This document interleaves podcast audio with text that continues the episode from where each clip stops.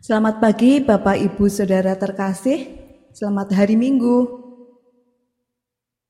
Setiap kali kita mengucapkan doa Bapa kami, terucap kalimat, "Datanglah kerajaanmu di bumi seperti di surga." Dalam doa ini kita percaya bahwa Bapa kita adalah Bapa yang baik. Dialah yang punya kerajaan dan kemuliaan kekal. Sebagai raja, ia menghendaki seluruh umat Allah hidup dalam kerajaannya. Kerajaan Allah adalah damai sejahtera. Apa bentuk kesediaan kita hidup dalam kerajaan Allah?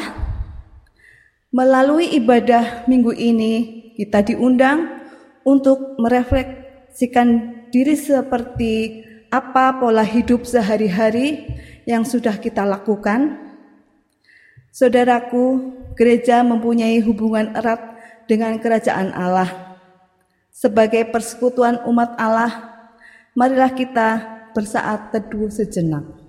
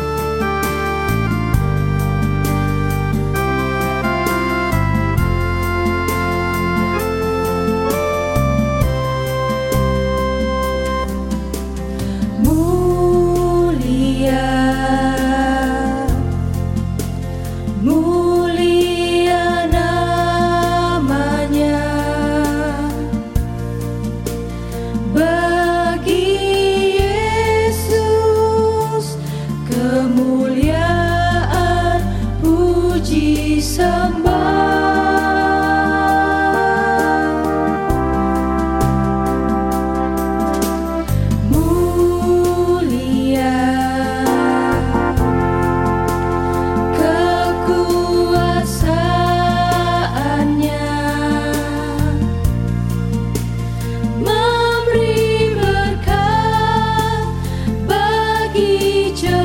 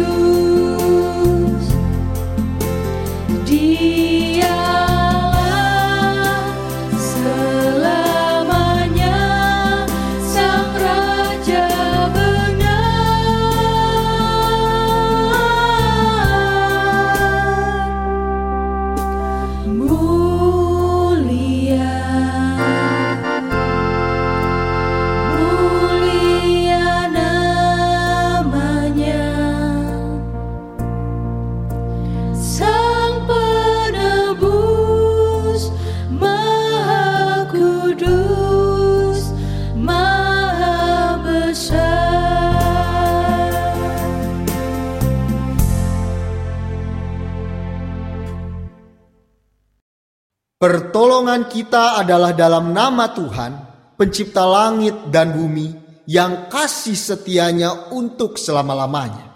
Terpujilah Allah Bapa, Anak dan Roh Kudus, sekarang dan sampai selama-lamanya.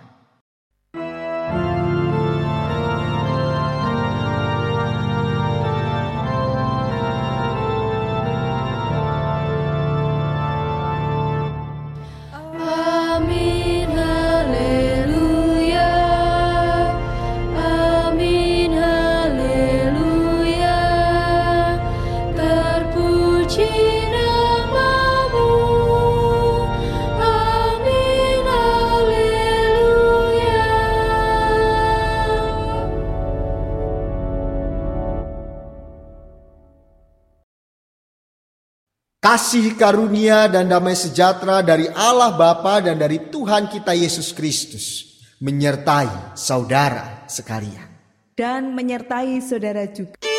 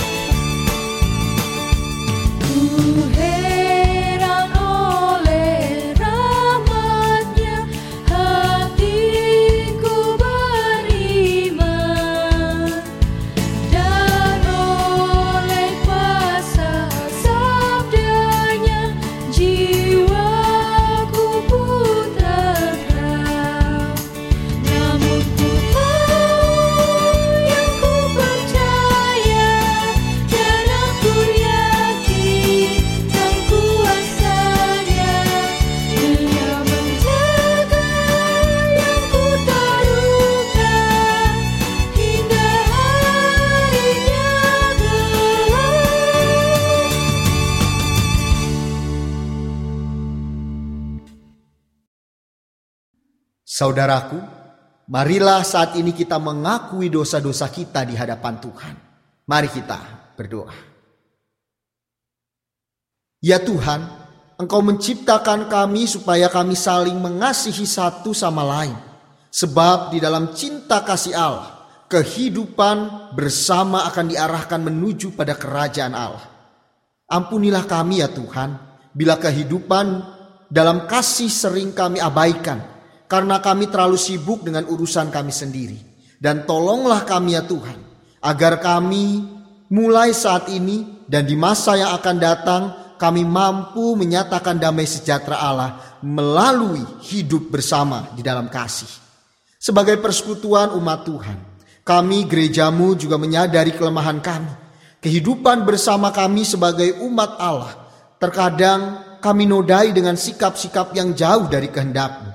Tolong ampunilah kami ya Tuhan, dan tolonglah supaya gerejamu mampu menghadirkan tanda-tanda kerajaan Allah melalui persekutuan, kesaksian, dan pelayanan yang berkenan kepadamu.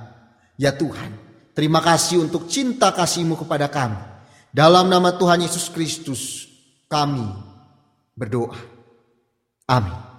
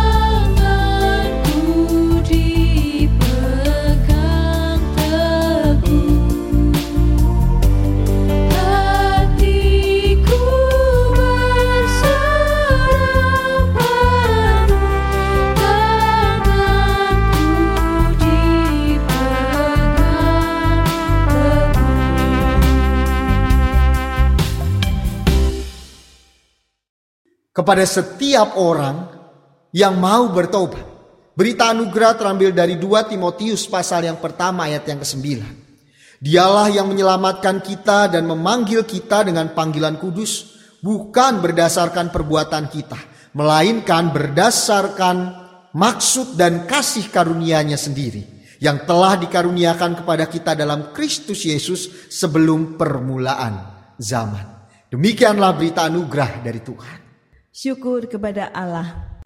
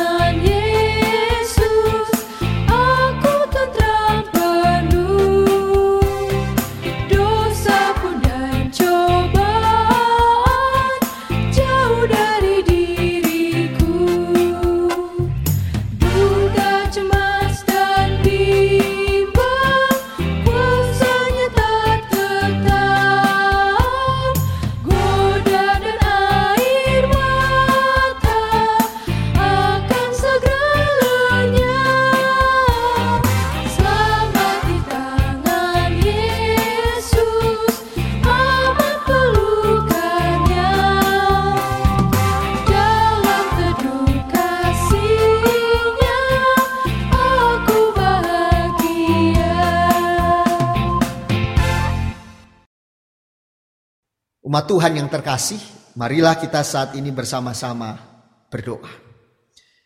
Ya Allah Bapa kami, tuntunlah kami saat kami akan belajar menjadi umat kerajaan surga di kehidupan kami masing-masing. Tolong bimbinglah kami dalam membaca dan merenungkan akan firman. Di dalam nama Tuhan Yesus Kristus, Sang Firman yang hidup, kami berdoa. Amin. Bacaan Injil hari ini diambil dari kitab Matius pasalnya yang ke-13. Ayat yang ke-31 sampai 33 dilanjutkan dengan ayat yang ke-44 sampai 52. Yesus membentangkan suatu perumpamaan lain lagi kepada mereka katanya. Hal kerajaan surga itu seumpama biji sesawi yang diambil dan ditaburkan orang di ladangnya. Memang biji itu yang paling kecil dari segala jenis benih. Tetapi apabila sudah tumbuh, sesawi itu lebih besar daripada sayuran yang lain, bahkan menjadi pohon, sehingga burung-burung di udara datang bersarang pada cabang-cabangnya. Dan ia menceritakan perumpamaan ini juga kepada mereka. Hal kerajaan surga itu seumpama ragi yang diambil seorang perempuan dan diadukan ke dalam tepung terigu tiga sukat sampai kamir seluruhnya. Kita lanjutkan ayatnya yang ke-44 sampai 52. Hal kerajaan surga itu seumpama harta yang terpendam di ladang yang ditemukan orang lalu dipendamkannya lagi oleh sebab sukacitanya pergilah ia menjual seluruh miliknya lalu membeli ladang itu. Demikian pula hal kerajaan sorga itu seumpama seorang pedagang yang mencari mutiara yang indah. Setelah ditemukannya mutiara yang sangat berharga, ia pun pergi menjual seluruh miliknya lalu membeli mutiara itu. Demikian pula hal kerajaan surga itu seumpama pukat yang dilabuhkan di laut lalu mengumpulkan berbagai-bagai jenis ikan. Setelah penuh, pukat itu pun diseret orang ke pantai. Lalu duduklah mereka dan mengumpulkan ikan yang baik ke dalam pasu dan ikan yang tidak baik mereka buang. Demikianlah juga pada akhir zaman, malaikat-malaikat akan datang memisahkan orang jahat dari orang benar. Lalu mencampakkan orang jahat ke dalam dapur api. Di sanalah akan terdapat ratapan dan kertakan gigi. Mengertikah kamu semuanya itu? Mereka menjawab, "Ya, kami mengerti." Maka berkatalah Yesus kepada mereka, "Karena itu, setiap ahli Taurat yang menerima pelajaran dari hal kerajaan sorga itu, seumpama tuan rumah yang mengeluarkan harta yang baru dan yang lama dari perbendaharaannya." Demikianlah firman Tuhan yang berbahagia adalah bagi setiap kita yang mendengar memelihara dan dengan penuh sukacita melakukannya di dalam kehidupan kita hari demi hari. Haleluya.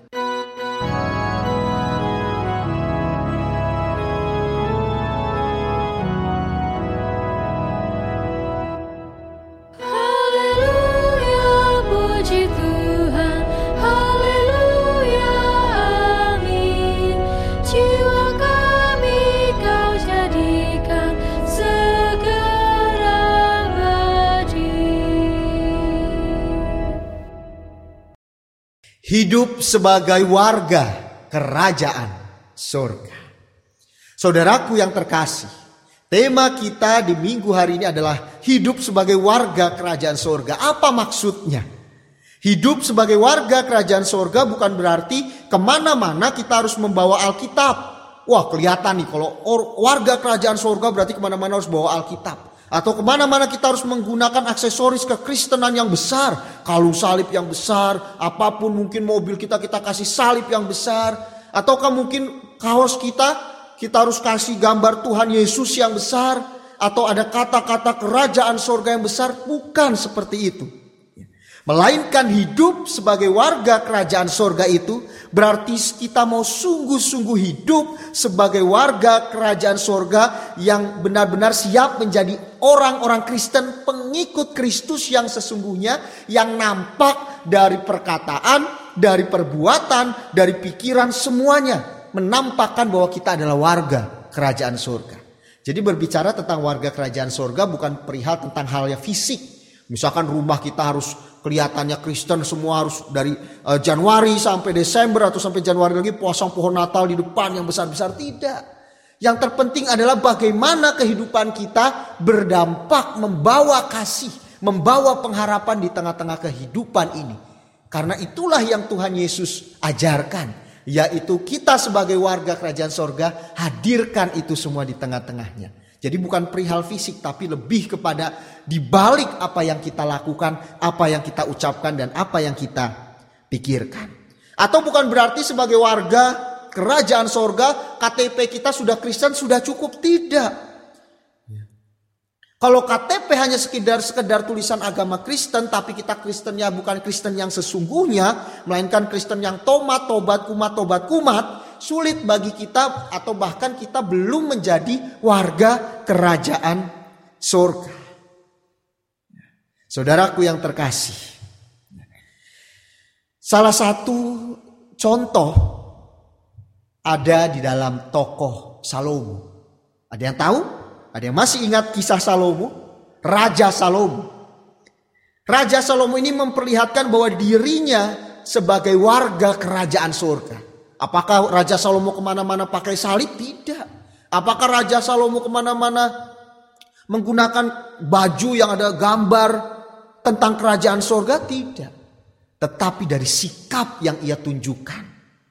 Kisah Salomo ini mengingatkan kita untuk memilih jalan hidup seturut dengan perintah Tuhan. Hikmat yang diminta oleh Salomo ketika ia berdoa dan ketika Tuhan ketika Allah bertanya kepada Salomo apa yang uh, yang engkau harapkan aku berikan kepadamu? Umur panjangkah? Kesehatankah? Tidak. Salomo yang Salomo minta adalah hikmat. Ya. Namun pada akhirnya kita lihat Ketika Salomo meminta hikmat, apakah Salomo hanya mendapatkan hikmat? Tidak. Dia mendapatkan hikmat, dia mendapatkan umur panjang, dia mendapatkan kesehatan, kesuksesan yang luar biasa. Mengapa? Karena Salomo sungguh-sungguh hidup sebagai warga kerajaan surga. Sekarang yang menjadi pertanyaannya adalah, sudahkah kita memilih untuk hidup melakukan perintah-perintah Tuhan dalam hidup kita agar kehidupan kita menunjukkan bahwa kita adalah warga kerajaan surga. Siapa? Ya kita semua. Entah itu anak-anak, entah itu pemuda remaja, entah itu dewasa, lansia, semua kita diharapkan untuk menjadi warga kerajaan surga melakukan perintah-perintah Tuhan di dalam kehidupan kita. Entah itu kita sebagai pendeta, kita sebagai penatua, kita sebagai aktivis, pengerja, anggota gereja, simpatisan, siapa pun tidak masalah. Semua kita adalah harusnya warga kerajaan surga. Apa dasarnya untuk hidup sebagai warga kerajaan surga? Pemasmur memperlihatkan kepada kita bahwa hanya firman Allah lah yang seharusnya menjadikan dasar bagi kita untuk senantiasa hidup sebagai warga kerajaan surga. Inilah yang menjadi alasan mengapa untuk hidup sebagai warga kerajaan surga, setiap kita harus memilih hidup dengan melakukan perintah-perintah Tuhan. Karena untuk menjadi warga kerajaan surga ada dasarnya. Dasarnya adalah firman Tuhan. Seperti misalkan kita, kalau kita hidup sebagai warga negara Indonesia, dasar asas kita adalah Bhinneka Tunggal Ika, Undang-Undang Dasar 45. Pancasila. Kita tahu dasar kita. Sebagai warga kerajaan surga dasar kita adalah perintah firman Tuhan. Saudaraku yang terkasih. Lalu bagaimana caranya agar setiap kita dapat hidup sebagai warga kerajaan surga di dalam kehidupan kita hari demi hari. Injil Matius di dalam bahan bacaan kita ada beberapa perumpamaan di sana. Tuhan Yesus memberikan beberapa perumpamaan kepada para muridnya. Dan dari setiap perumpamaan itu kita bisa belajar bagaimana caranya agar kita bisa menghadirkan kerajaan sorga, agar kita bisa menjadi warga kerajaan sorga di tengah-tengah kehidupan kita. Yang pertama, sudahkah setiap kita pribadi lepas pribadi bersedia untuk menerima kehadiran sesama kita tanpa membeda-bedakan? Menerima kehadiran orang-orang yang berbeda dengan kita, entah itu berbeda ras ya, Entah itu juga berbeda sudut pandang, entah itu berbeda perilaku, apakah kita mau menerima mereka dengan penuh sukacita? Perumpamaan biji sesawi setidaknya mengingatkan kita. Tuhan Yesus pada saat itu menceritakan tentang perumpamaan biji sesawi bahwa Walaupun kita misalkan di Indonesia ini adalah eh, minoritas kecil, tetapi kita juga harus tetap berdampak luar biasa, yaitu dengan kita mau terbuka terhadap sesama kita, menerima siapa pun seperti uh, perumpamaan biji sesawi. Ketika ia sudah bertumbuh besar menjadi sebuah pohon, ia menerima siapa pun. Burung boleh membuat sarang di sana, orang boleh berteduh di sana, siapa pun boleh hinggap, boleh boleh berteduh di sana tanpa membeda-bedakan. Dan inilah yang seharusnya nampak di dalam kehidupan kita apabila kehidupan kita sungguh-sungguh menjadi warga kerajaan sorga. Seperti lagu sekolah minggu. Yesus cintaku, ku cinta kau, kau cinta dia. Harusnya ini menjadi yang terus menerus yang terjadi dalam kehidupan kita. Kita mengasihi sesama kita semuanya sehingga mereka juga belajar mengasihi sesamanya yang lain. Dan begitu terus menerus. Dan inilah sungguh-sungguh menampakkan akan sikap warga kerajaan surga. Kemudian poin yang berikutnya. Sudahkah kita setiap kita pribadi lepas pribadi bersedia untuk hidup berdampak yang positif di mana pun kita berada. Tuhan Yesus mendorong setiap kita bukan sekedar cinta damai. Semua orang suka akan yang namanya damai, cinta akan yang namanya damai. Tetapi di sini kita diajak, marilah maukah kita bukan hanya sekedar cinta damai, tapi mengerjakan perdamaian itu di tengah-tengah kehidupan kita. Kita siap diutus untuk membawa damai di tengah-tengah perselisihan, di tengah-tengah hal-hal yang tidak baik yang ada di dunia ini. Maukah kita membawa damai di sana?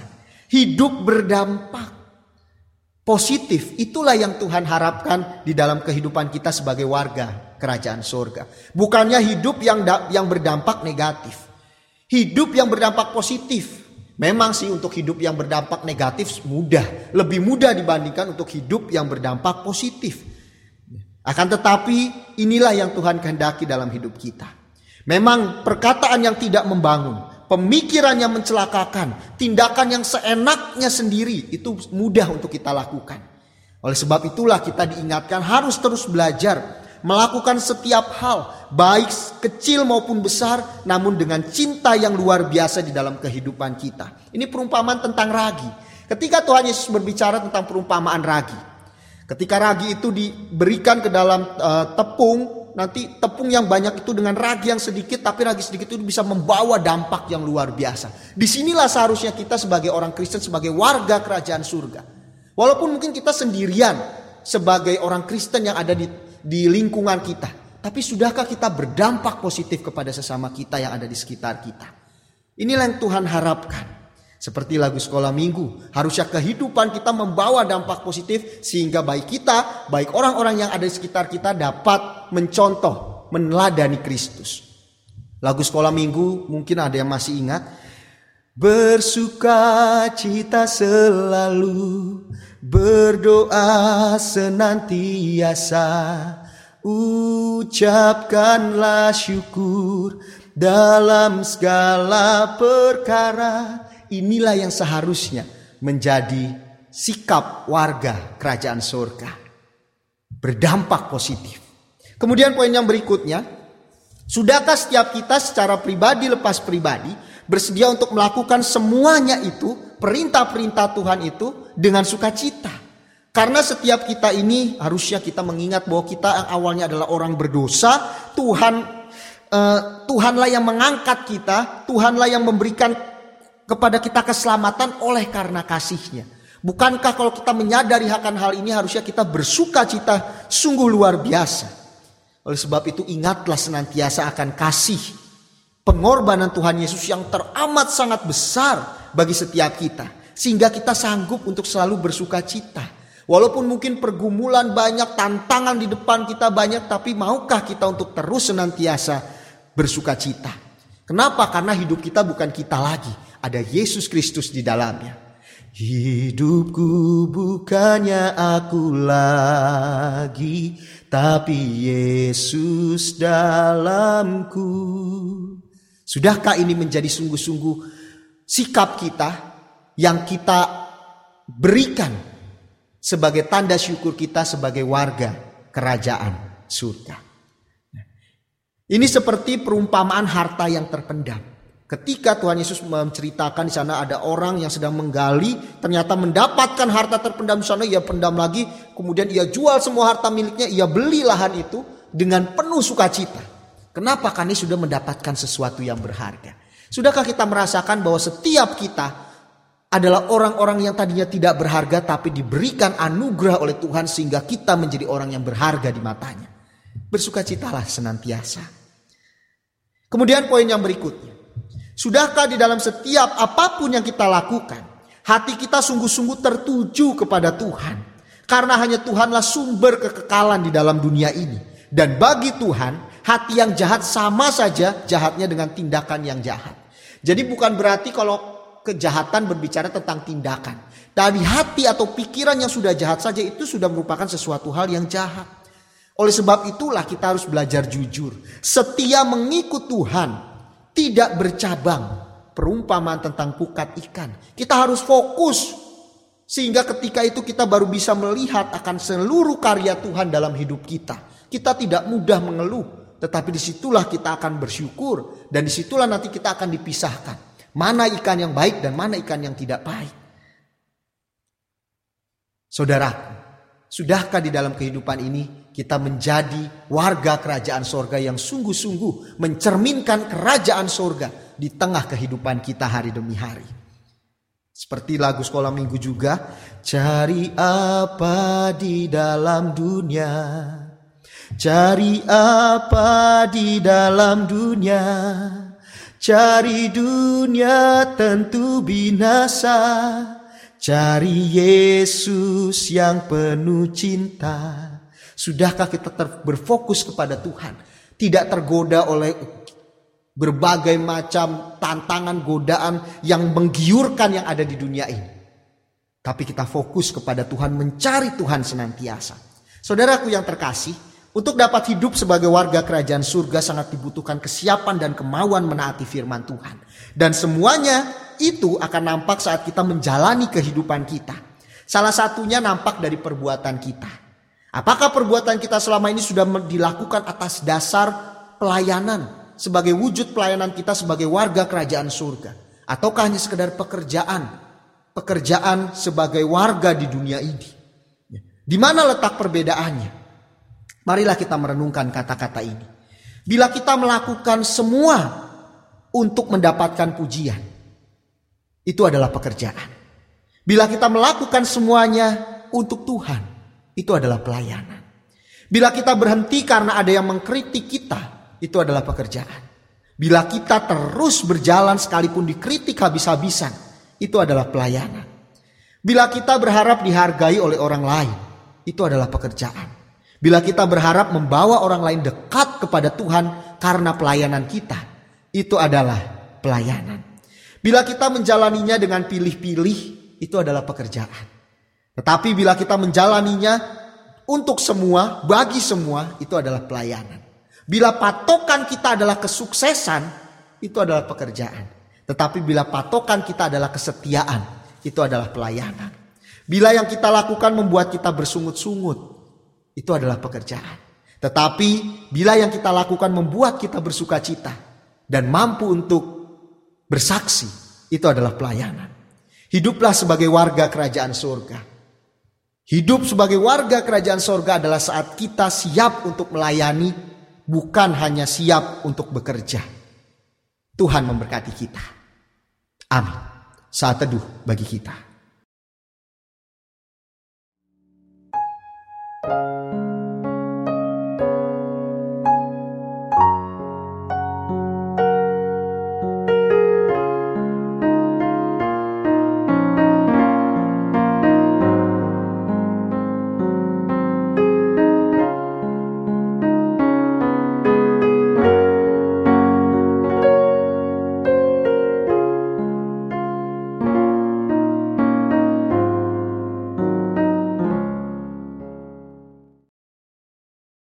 Marilah kita bersama dengan umat Allah di masa lalu, masa kini dan masa depan mengingat pengakuan pada baptisan kita menurut pengakuan iman rasuli.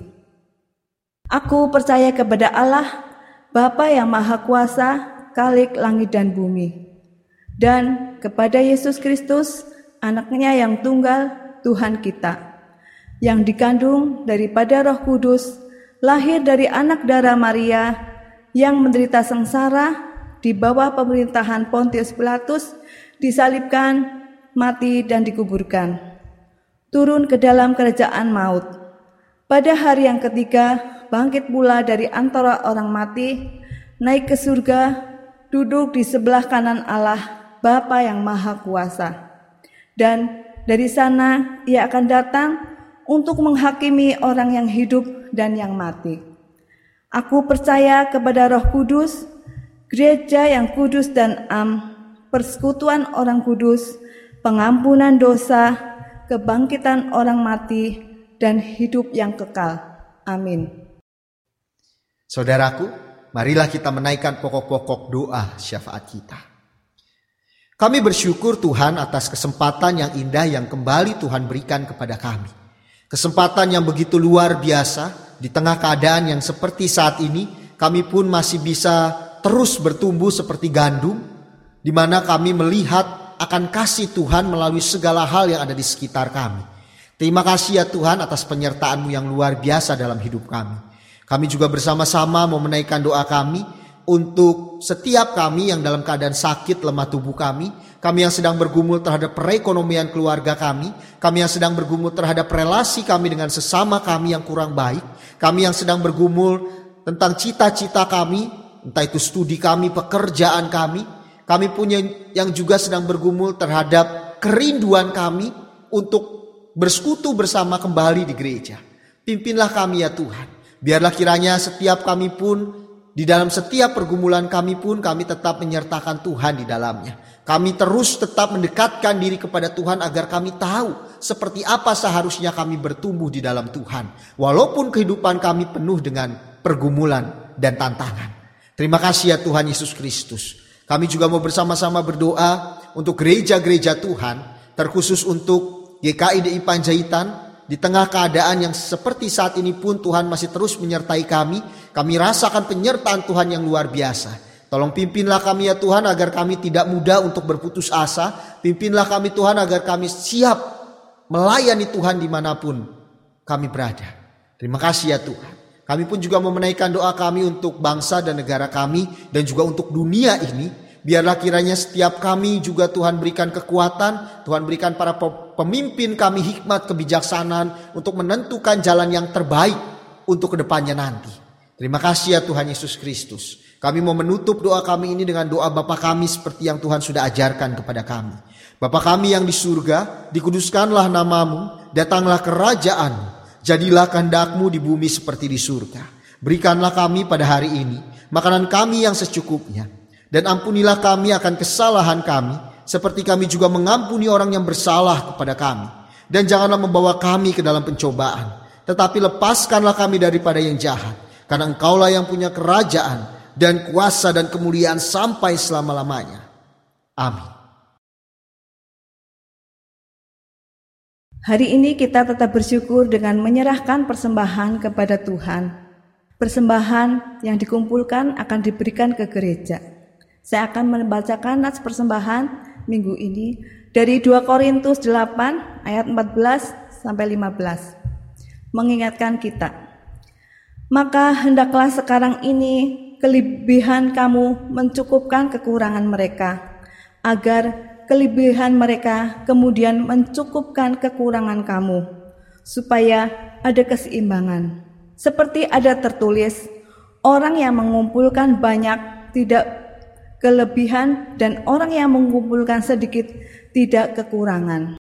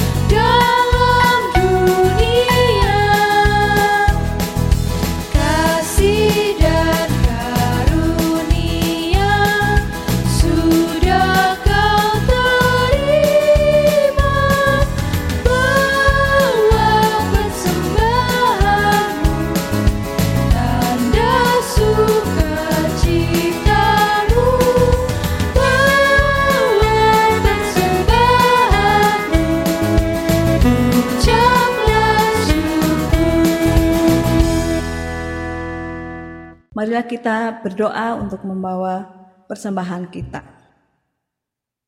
Bapa kami di surga yang mulia, kami datang ke hadiratmu mengucapkan puji syukur serta terima kasih untuk semua berkat yang Bapak beri kepada kami. Terima kasih pula kami sudah diberi kesempatan untuk mengumpulkan persembahan ini sebagai wujud syukur kami. Bapa kiranya Engkau sucikan dan kuduskan persembahan kami ini, dan dengan hikmatmu majelis jemaat dapat menggunakan saran, sebagai sarana pelayanan di Gereja GKI Panjaitan ini. Terima kasih Bapa, kami panjatkan doa ini dalam nama putramu yang tunggal Tuhan kami Yesus Kristus. Amin. Saudaraku, marilah kita belajar untuk senantiasa hidup sebagai warga kerajaan surga. Tumbuhkanlah bahwa kita ini adalah kerajaan-kerajaan surga ahli waris kerajaan sorga. Hadirkanlah kerajaan sorga di dalam kehidupan kita masing-masing. Kita mulai dari diri kita sendiri. Indah, mulia, bahagia penuh. Bersandarkan pada lengan yang kekal.